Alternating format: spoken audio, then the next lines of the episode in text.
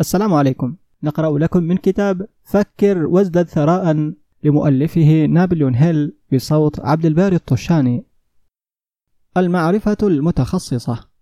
التجارب الشخصية أم الملاحظات؟ الخطوة الرابعة نحو جمع الثروات. هناك نوعان من المعرفة واحدة عامة وأخرى متخصصة. والمعرفة العامة بغض النظر عن قدرها أو تنوعها الكبيرين. عديمة الفائدة في عملية جمع المال فتملك كليات الجامعات العظيمة في الإجمالي كل نوع من أنواع المعرفة العامة المعروف للحضارة وهي تتخصص في تدريس المعرفة ولكنها لا تتخصص في تنظيم أو استخدام المعرفة. والمعرفة لن تجذب المال إلا إذا كانت منظمة وتم تفعيلها بذكاء في خطط عملية للفعل ولنيل الغاية المحددة المتمثلة في جمع المال. والافتقار إلى فهم هذه الحقيقة طالما تسبب في ارتباك ملايين الناس ممن يعتقدون على نحو خاطئ أن المعرفة قوة فهي ليست كذلك على الإطلاق فالمعرفة هي مجرد قوة محتملة وهي تصبح قوة فقط إذا نظمت في صورة خطط محددة للفعل ووجهت نحو غاية معينة. وهذه الحلقة المفقودة في كل أنظمة التعليم المعروفة للحضارة اليوم تتجلى على الأحرى في فشل المؤسسات التعليمية في تعليم الطلاب كيف ينظمون ويستخدمون المعرفة بعد حصولهم عليها. ويرتكب الكثير من الناس خطأ الافتراض أن هنري فورد لم يكن رجلا متعلما لأنه لم يذهب للمدرسة إلا لفترة محدودة. والأشخاص الذين يرتكبون هذا الخطأ لا يعرفون هنري فورد ولا يفهمون حتى المعنى الحقيقي لكلمة تعليم. فالكلمة مشتقة من الكلمة اللاتينية إيدوكو والتي تعني يستحث أو يستخرج أو يطور من الداخل. والشخص المتعلم لا ينبغي أن يكون بالضرورة ذلك الذي يملك وفرة من المعرفة العامة أو المتخصصة. فالمتعلمون طوروا ملكات عقولهم بحيث يستطيعون الحصول على أي شيء يبغونه أو نظيره دون انتهاك حقوق الآخرين. وهذا هو التعريف الذي يتواءم جيدا مع حالة هنري فورد. خلال الحرب العالمية الأولى نشرت صحيفة في شيكاغو مقالات افتتاحية خاصة والتي أطلقت فيها من بين تصريحات أخرى على هنري فورد اسم نصير السلم الجاهل. اعترض السيد فورد اعترض السيد فورد على هذه التصريحات ورفع دعوى على الصحيفة لقيامها بسبه وعند عرض الدعوى أمام المحاكم ترافع محامو الصحيفة ردا على التهمة ووضعوا السيد فورد نفسه على منصة الشهود بغرض الإثبات لهيئة المحلفين أنه جاهل. طرح المحامون على السيد فورد مجموعة متنوعة من الأسئلة والتي تهدف جميعا لإثبات أنه رغم امتلاكه معرفة متخصصة كبيرة في مجال تصنيع السيارات فإنه كان بوجه عام جاهلا.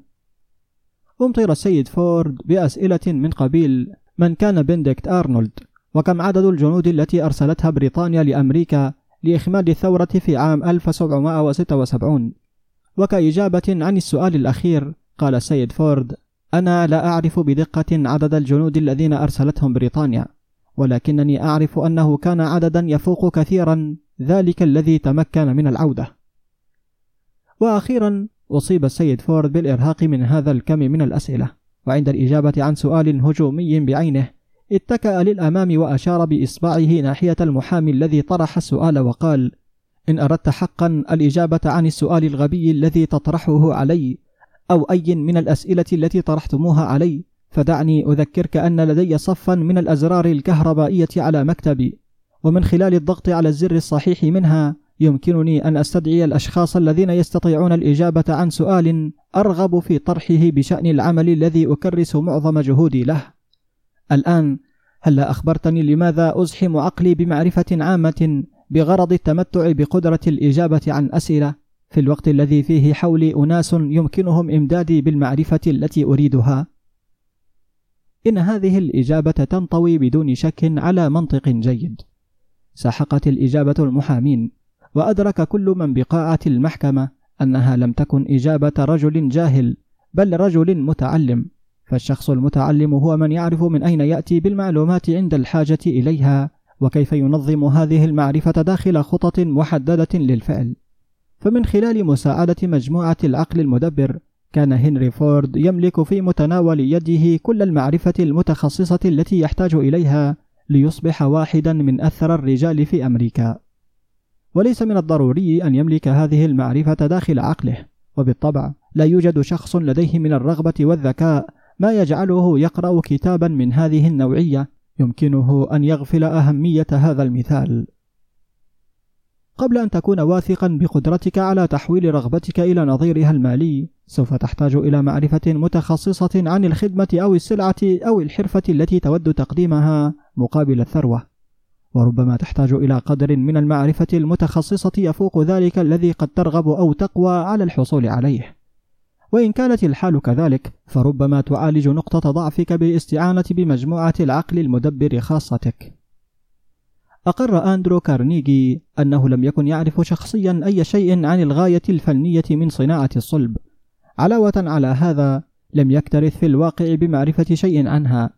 فالمعرفة المتخصصة التي احتاج إليها لتصنيع وتسويق الصلب وجدها متاحة عبر الوحدات الفردية في مجموعة العقل المدبر خاصته. وجمع ثروات عظيمة يتطلب القوة ويتم اكتساب القوة من خلال معرفة متخصصة منظمة بشكل كبير والتي توجه بذكاء. ولكن لا ينبغي بالضرورة أن تكون تلك المعرفة بحوزة الشخص الذي يجمع الثروة. والفقرة السابقة لا بد أن تبث الأمل والتشجيع في نفوس الأشخاص الطامحين. والفقرة السابقة لا بد أن تبث الأمل والتشجيع في نفوس الأشخاص الطامحين لجمع ثروة. والذين لم يحصلوا على التعليم الضروري لاكتساب هذه المعرفة المتخصصة التي يحتاجون إليها. ويخوض الناس الحياة في بعض الأحيان وهم يعانون عقد نقص لأنهم لم يحصلوا على تعليم رسمي. لكن الشخص الذي يستطيع تنظيم وتوجيه مجموعة عقل مدبر من الأشخاص والذين يملكون المعرفة اللازمة لجمع المال يعد شخصا متعلما شأنه شأن أي شخص في المجموعة. تذكر هذا إن كنت تعاني شعورا بالنقص لأنك لم تتلقى قدرا كافيا من التعليم. لم يمكث توماس إي إديسون سوى ثلاثة أشهر بالمدرسة خلال حياته بأكملها وهو لم يفتقر إلى التعليم ولم يمت فقيرا أيضا ولم يحصل هنري فورد على قدر كبير من التعليم ولكنه استطاع تحقيق نجاح مادي كبير. وحقيقة أن فورد وإديسون لم يتلقيا قدرا كبيرا من التعليم الرسمي لا تعطي الصغار اليوم عذرا لترك المدرسة. فاليوم يعد الحد الأدنى من التعليم الرسمي من متطلبات الحصول على أي بداية جيدة في سوق العمل. وبالطبع هناك استثناءات. فديف توماس الذي أسس سلسلة مطاعم ويندي لم يكمل تعليمه ولكن بعد أن حقق النجاح شجع الصغار على مواصلة الذهاب للمدرسة. ودعم هذا باختياره أن يكون مثالا يحتذى به لمن لم يكملوا تعليمهم بالاستذكار كي يحصل على الشهادة الثانوية بعد أن ترك المدرسة بخمسة وأربعين عاما. وقد خاض اختبار التطوير التعليمي العام وهو ما يناظر الشهادة الثانوية ونجح به. وقد تلقى الشهادة في احتفال خاص في المجتمع الذي أقام به في فلوريدا وخاطب توماس أكثر من 500 طالب من المدرسة. بالإضافة إلى دارسي التطوير التعليمي العام في كل أرجاء الولايات المتحدة. فقال توماس بحماس تركي للتعليم وأنا في المدرسة الثانوية هو شيء طالما أزعجني. ولكنني كنت أظن أنه فات الأوان للحصول على الشهادة والآن أعرف أن الأوان لم يفت قط وأن ما قمت به ربما يلهم آخرين ليفعلوا مثله. والإلهام للحصول على هذه الشهادة جاء توماس في أثناء قيامه بجولة عبر البلاد للترويج لكتابه الذي يحكي عن سيرته الذاتية Dave's Way. ففي الكثير من المدن التقى توماس بصحفيي المدارس الثانوية وأخذ يجيب عن أسئلتهم ويقدم النصائح ويشجع الطلاب على مواصلة تعليمهم والنجاح. قال توماس كان صحفي المدارس الثانوية هؤلاء حادي الذكاء. وظلوا يسألونني لماذا أقول دوما إن التعليم مهم في حين أنني لم أكمل تعليمي قط؟ لماذا لا أقوم بما أدعو إليه؟ لم أكن أملك إجابة جيدة لذا قررت الحصول على الشهادة الثانوية. كان هدفه هو أن يعلم من لم يكملوا تعليمهم سواء تركوا الدراسة حديثا أو تركوها منذ سنوات بعيدة أنه لم يفت الأوان قط لمواصلة التعلم ونيل الشهادة. قال توماس: أنصح الناس بنيل كل التعليم الذي يستطيعون نيله، وحقيقة أنني حصلت على شهادة تخرجي بعد خمسة وأربعين عاما من ترك المدرسة. توضح أن الأوان لا يفوت قط.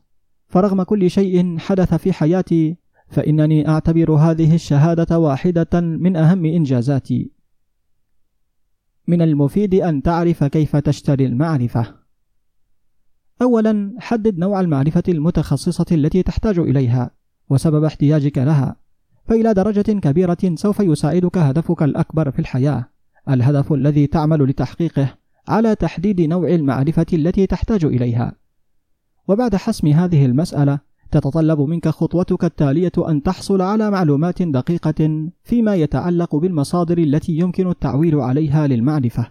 وأكثر هذه المصادر أهمية هي ألف تجربة الشخص وتعليمه باء الخبرة والتعليم المتاحان عبر تعاون الآخرين. جيم الكليات والجامعات. دال المكتبات العامة عبر الكتب والمطبوعات الدورية والتي قد تجد بها كل المعرفة التي جمعتها الحضارة. هاء الدورات التدريبية الخاصة وخاصة الفصول المسائية وفصول التعليم عن بعد. وعند اكتساب المعرفة لا بد من تنظيمها وتطبيقها. لغرض محدد من خلال خطط عملية. فلا تكون للمعرفة أي قيمة إلا تلك التي يمكن الحصول عليها عبر تطبيقها بهدف تحقيق غاية مفيدة. وهذا هو أحد الأسباب التي لا تجعل الشهادات الجامعية ضمانا للنجاح في الحياة المهنية. إن كنت تبغض نيل قدر أكبر من التعليم فحدد أولا الغرض الذي تريد لأجله المعرفة التي تسعى للحصول عليها. ثم اكتشف ما هي المصادر الموثوق بها التي يمكنك أن تحصل عبرها على هذه المعرفة. والأشخاص الناجحون في كل المواقف لا يتوقفون قط عن اكتساب المعرفة المتخصصة المرتبطة بغرضهم الأكبر أو عملهم أو حرفتهم. وهؤلاء الذين لا يحظون بالنجاح عادة ما يرتكبون خطأ الاعتقاد بأن فترة اكتساب المعرفة تنتهي بانتهائهم من المدرسة. والحقيقة أن الدراسة تفعل أكثر من مجرد وضع الشخص على طريق اكتشاف كيفية اكتساب معرفة عملية.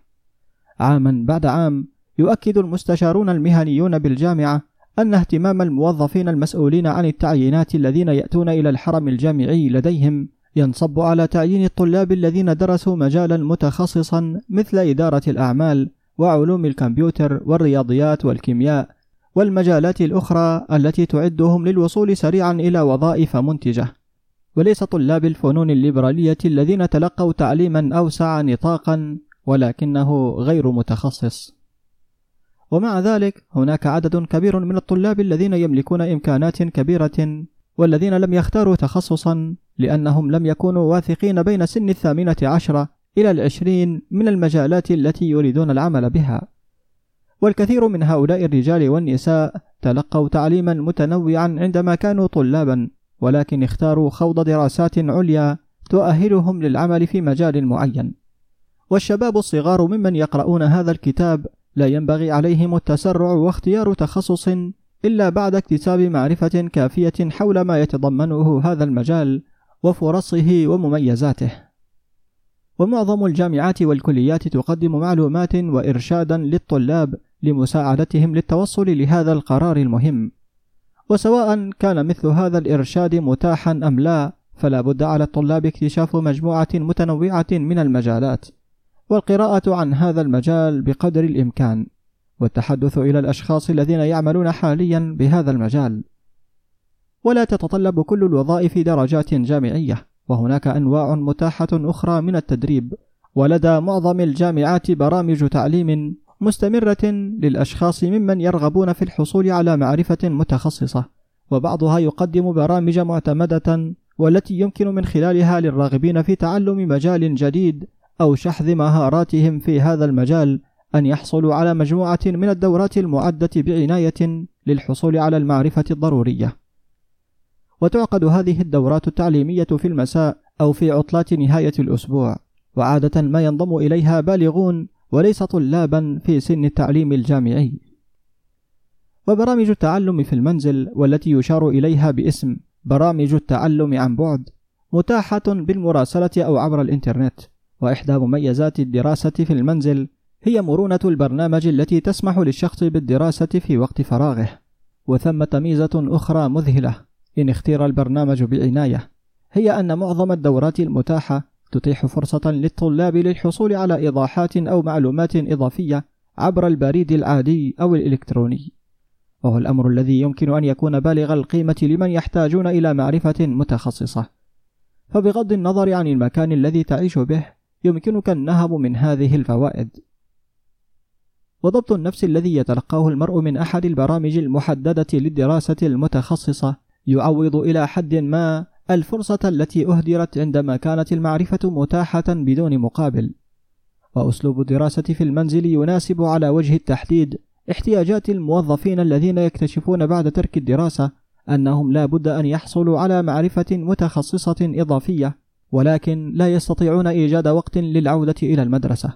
فالتغييرات المستمرة في الحالة الاقتصادية في مجتمعنا ألزمت آلاف الأشخاص على إيجاد مصادر إضافية أو جديدة للدخل. وبالنسبة لمعظم الناس فإن الحل لمشكلتهم قد يتمثل فقط في الحصول على معرفة متخصصة والعديدون سيرغمون على تغيير مهنهم كلية. فعندما يجد تاجر أن نوعا بعينه من السلع ليس رائجا عادة ما يستبدل به آخر يعلو عليه الطلب. والأشخاص الذين يريدون كذلك تسويق خدماتهم لابد وأن يكونوا تجارا ماهرين. فإن لم تكن خدماتهم تجلب عائدا كافيا في مجال معين لابد أن يستبدلوا به آخر حيث تكون هناك فرص أكبر متاحة. والناس الذين يتوقفون عن الدراسة فقط لأنهم أنهوا التعليم يعلقون للأبد في حياة التوسط بغض النظر عن ظروفهم. فطريق النجاح هو طريق السعي المستمر وراء المعرفة. دعنا نتأمل حادثة بعينها. في خلال فترة من الركود الاقتصادي تم صرف بائع في متجر للبقالة لأنه صار عمالة زائدة. وبدلا من أن يبحث عن وظيفة في ظل هذا الاقتصاد الذي جعل الوظائف نادرة الوجود قرر أن يؤسس شركة خاصة به. كان يتمتع ببعض الخبرة في إمساك الدفاتر لذا أخذ دورة تدريبية في المحاسبة للتعرف على آخر التقنيات التي استحدثت في مجال إمساك الدفاتر والمعدات المكتبية. وبدءا بصاحب متجر البقالة الذي كان يعمل لديه وقع عقودا مع أكثر من مائة تاجر صغير للإمساك بدفاترهم بأجر شهري هزيل للغاية.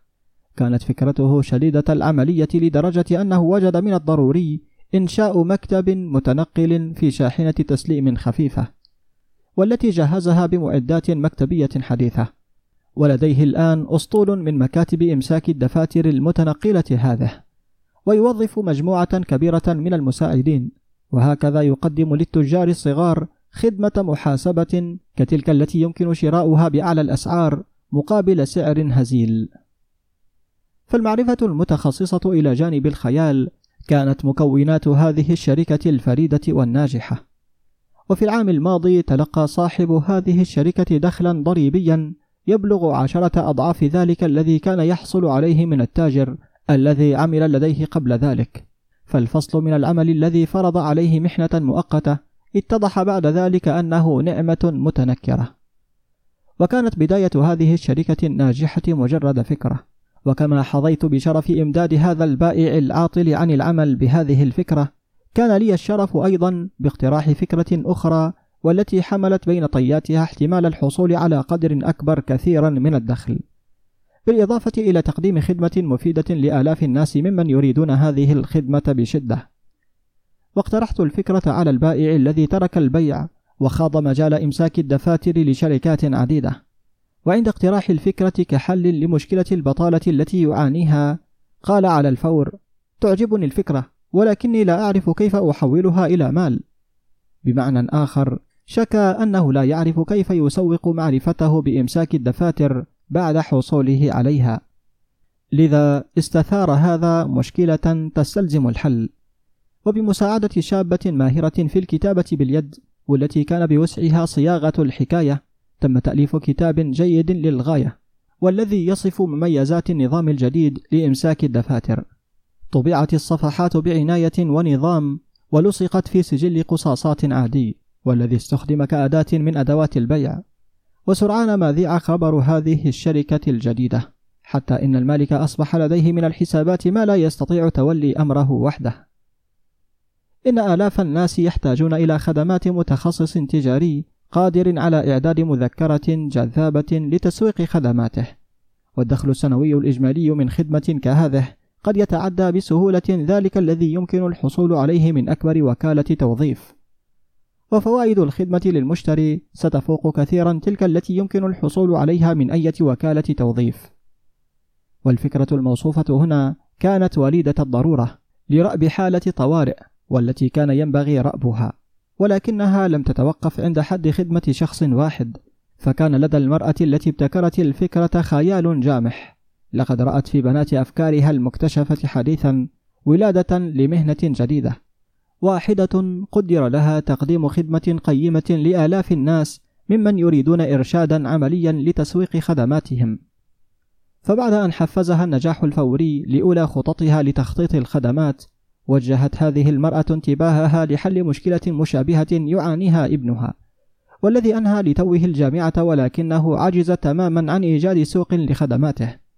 والخطة التي وضعتها كي يستخدمها كانت أفضل نموذج للترويج للخدمات سبقت لي رؤيته.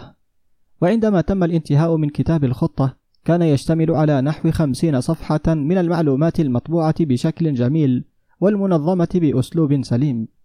والتي كان يصف قدرة ابنها الطبيعية والدراسة التي تلقاها وتجاربه الشخصية وقدرا متنوعا آخر من المعلومات الضخمة التي يصعب وصفها هنا. وتضمن كتاب الخطة أيضا وصفا كاملا للوظيفة التي كان يرغب فيها ابنها إلى جانب صورة مذهلة للخطة المحددة التي سيتبعها عندما يشغل هذه الوظيفة. واستغرق إعداد كتاب الخطة جهدا استمر أسابيع عديدة وخلاله كانت مؤلفة الكتاب ترسل بإبنها إلى المكتبة العامة بصفة يومية تقريبا للحصول على البيانات الضرورية لبيع خدماته مقابل أفضل المميزات.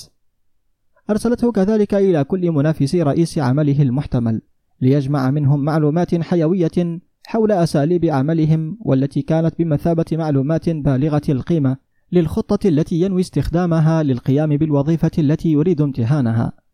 وعندما تم الانتهاء من وضع الخطة، تضمنت أكثر من خمسة اقتراحات ممتازة يمكن لصاحب العمل المحتمل استخدامها والاستفادة منها، والتي ستقوم الشركة بتطبيقها بعد تعيينها إياه.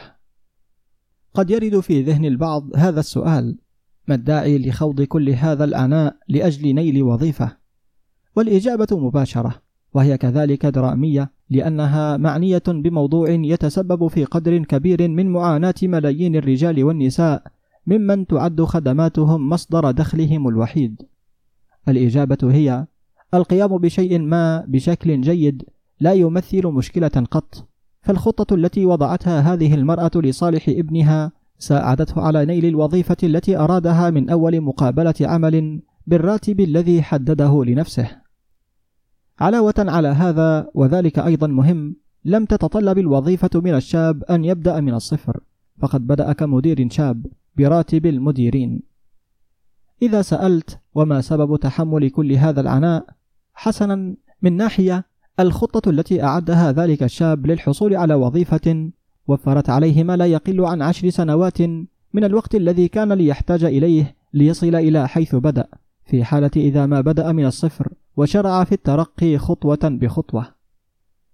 وفكرة البدء من الصفر أو القاع هذه والترقي للأعلى قد تبدو سليمة ولكن أكبر اعتراض عليها هو ما يلي.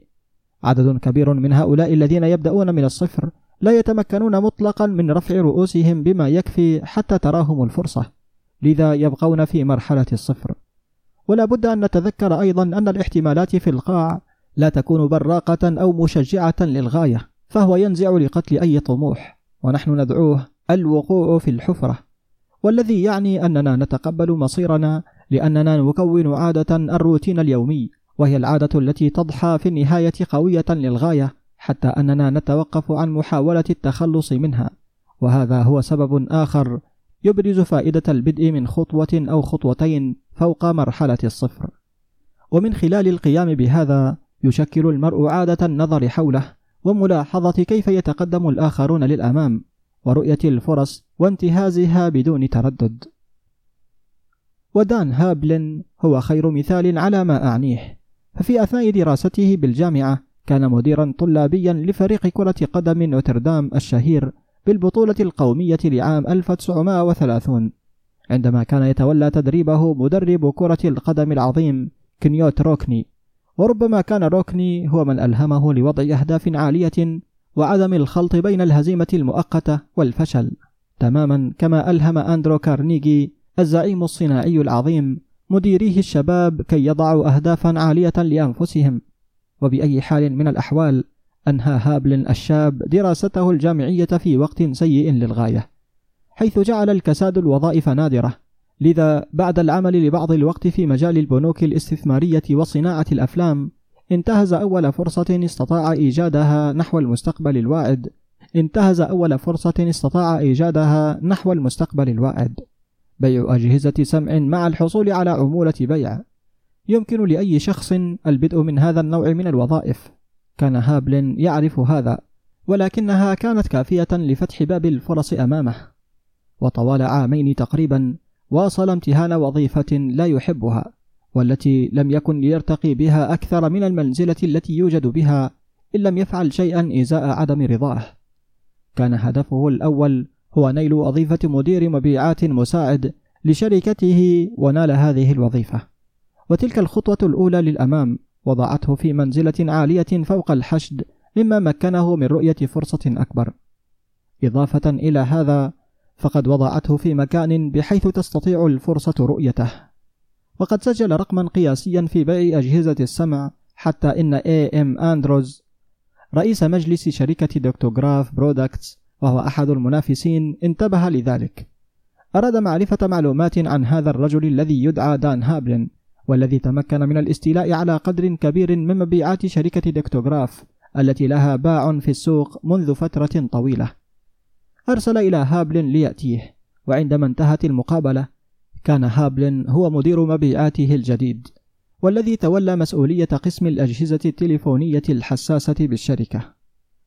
بعد ذلك ولاختبار صلابة هابلن الشاب سافر السيد أندروز إلى فلوريدا لمدة ثلاثة أشهر تاركا إياه للغرق أو العوم في وظيفته الجديدة وهو لم يغرق. فروح كيني تروكني التي طالما قالت إن كل العالم يحب الفائز وليس لديه وقت للخاسر ألهمته لمنحه الكثير لعمله حتى إنه انتخب نائبا لرئيس الشركة ومديرا عاما لقسم الأجهزة التليفونية الحساسة وصامت الراديو وهو المنصب الذي لا يطمح أحد للوصول إليه إلا بعد عشر سنوات من الجهد المضني والولاء. وقد نجح هابل في تحقيق هذا في ستة أشهر. ويصعب أن نعرف من منهما يستحق مزيدا من المديح. السيد أندروز أم السيد هابلن حيث أثبت كلاهما أنه يتمتع بوفرة من تلك السمة النادرة التي تعرف باسم الخيال. الثناء لرؤيته في هابلن الشاب شخصا وصوليا من الطراز الأول ويستحق هابلن الثناء لرفضه الحلول الوسط التي تقدمها الحياة والمتمثلة في امتهان وظيفة لا يريدها. وتلك هي واحدة من أهم النقاط التي أحاول التأكيد عليها عبر هذه الفلسفة برمتها. أننا نرتقي إلى منازل عليا أو نظل في القاع بسبب الظروف التي نستطيع السيطرة عليها إن رغبنا في السيطرة عليها.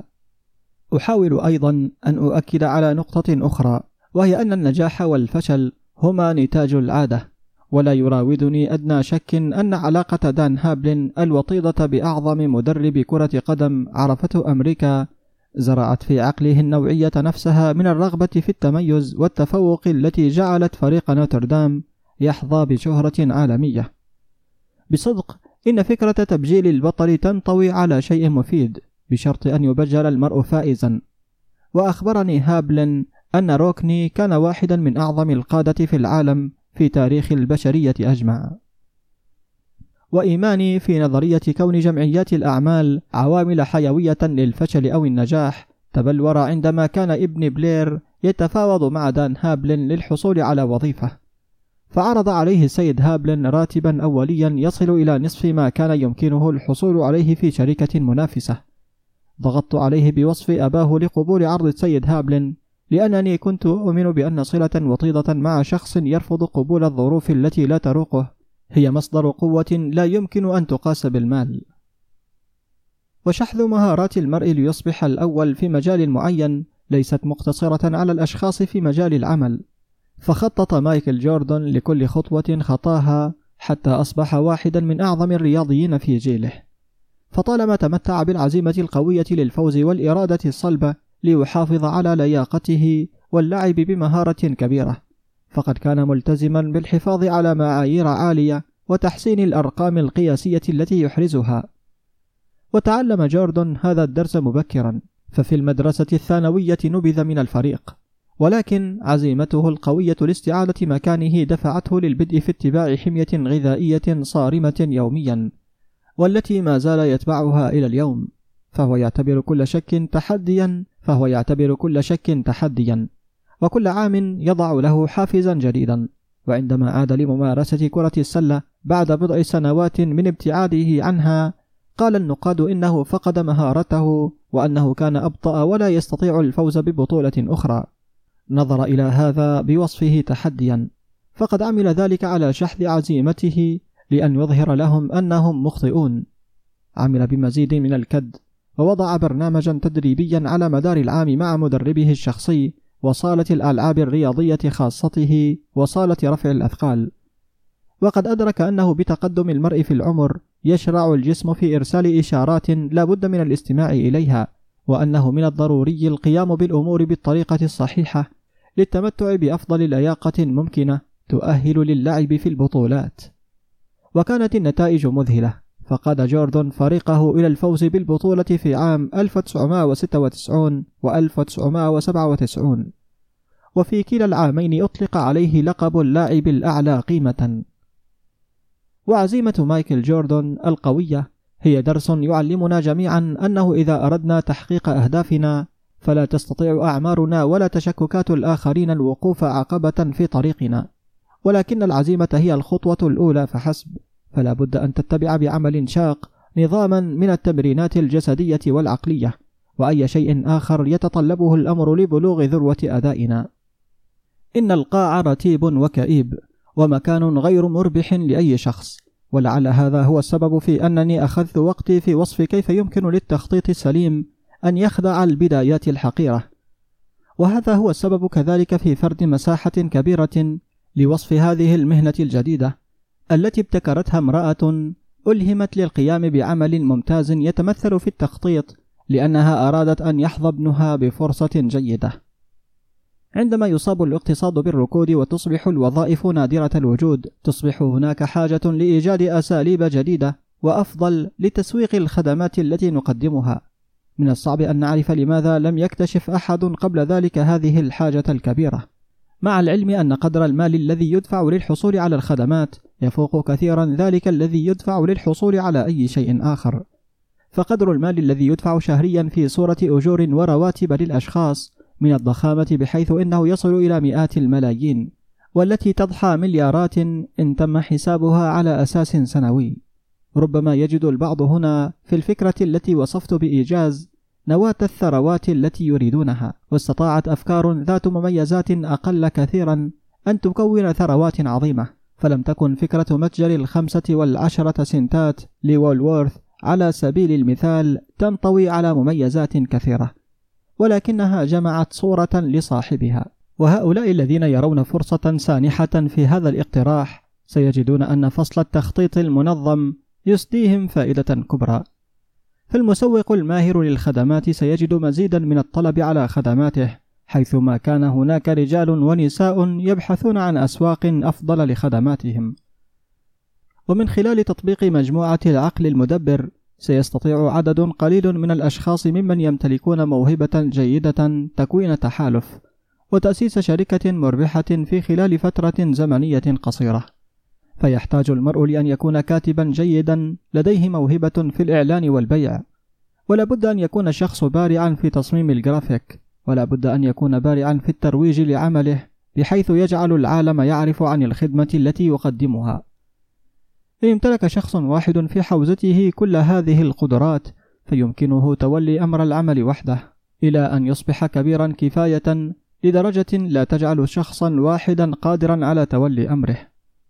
إن المرأة التي وضعت خطة البيع لابنها تلقت عروضا من كل أنحاء البلاد. للمساعدة على إعداد خطط مشابهة لآخرين ممن يريدون تسويق خدماتهم للحصول على مزيد من المال.